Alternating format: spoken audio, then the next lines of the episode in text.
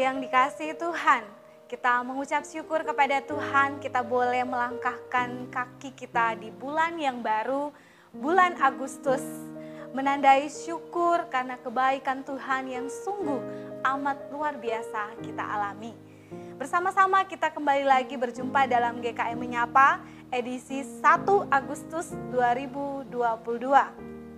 Mari bersama-sama kita membaca satu kebenaran firman Tuhan dari Nehemia 1 ayat 4 sampai dengan 5. Nehemia 1 ayat 4 sampai 5 firman Tuhan berkata, Ketika aku dengar berita ini, duduklah aku menangis dan berkabung selama beberapa hari. Aku berpuasa dan berdoa kehadirat Allah semesta langit, kataku, Ya Tuhan Allah semesta langit, Allah yang maha besar dan dahsyat, yang berpegang pada perjanjian dan kasih setianya terhadap orang yang kasih kepadanya dan tetap mengikuti perintah-perintahnya. Demikian firman Tuhan. Saudaraku yang terkasih, saya rasa bagi kita semua pasti di dalam kehidupan kita kita pernah menangis bukan?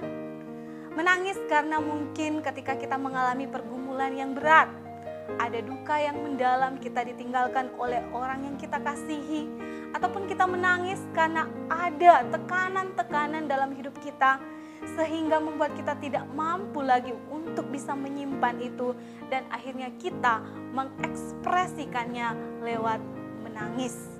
Saudaraku yang dikasih Tuhan, bukan cuma kita yang menangis yang mungkin disebabkan oleh berbagai hal.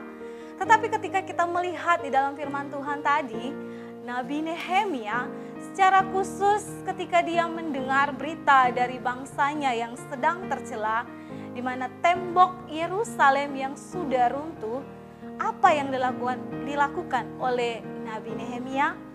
Dikatakan firman Tuhan bahwa ketika ku dengar berita ini, duduklah aku menangis.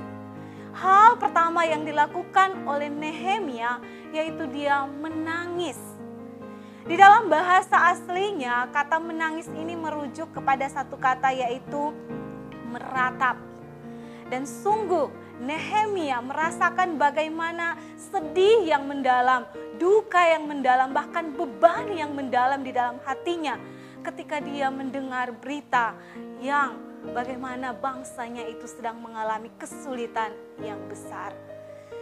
Nehemia dikatakan di sini bukan hanya menangis, tetapi dikatakan dia berkabung selama beberapa hari. Dia berpuasa dan berdoa. Bapak Ibu Saudara yang dikasih Tuhan sungguh beban yang tulus dari hati Nehemia ketika dia boleh menggumulkan dengan sungguh keadaan bangsanya dia bukan hanya menangis, dia bukan hanya berdoa, dia bukan hanya berduka.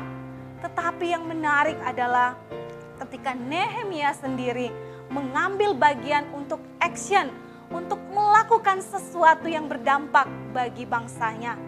Dan kita tahu di dalam perjuangan untuk kembali memulihkan bangsanya, Nehemia meminta pertolongan dari Allah untuk menunjukkan arah bagaimana dia harus mengambil satu keputusan. Dan akhirnya dalam proses pergumulan yang berat, Nehemia kembali untuk menyusun strategi. Dan di dalam pimpinan Tuhan Allah sendiri, akhirnya dia diberi kesempatan untuk membangun kembali tembok Yerusalem. Saudaraku, pesan firman Tuhan ini mengajarkan juga kepada kita. Ketika kita mengamati kondisi bangsa kita, mungkin ada hal-hal yang bagi kita kita merasa kita perlu untuk bergumul kepada bangsa kita ini. Bangsa Indonesia yang diliputi berbagai problema. Tetapi pertanyaannya apakah hanya cukup sampai kita menangis atau kita meratap? Firman Tuhan berkata sebenarnya tidak cukup. Menangis perlu, meratapi perlu, berdoa itu perlu. Tetapi yang lebih penting adalah mengambil satu langkah nyata, mengambil tindakan untuk kita bisa berdampak bagi negeri ini. Kiranya Tuhan menolong kita sebagai anak-anak Tuhan, menjadi anak Tuhan yang bertanggung jawab atas bangsa kita. Kita menangisi, kita meratapi, kita berdoa kepada Tuhan sambil kita melakukan berbagai tindakan nyata untuk boleh memulihkan bangsa kita. Tuhan menolong kita semua. Amin. Bye.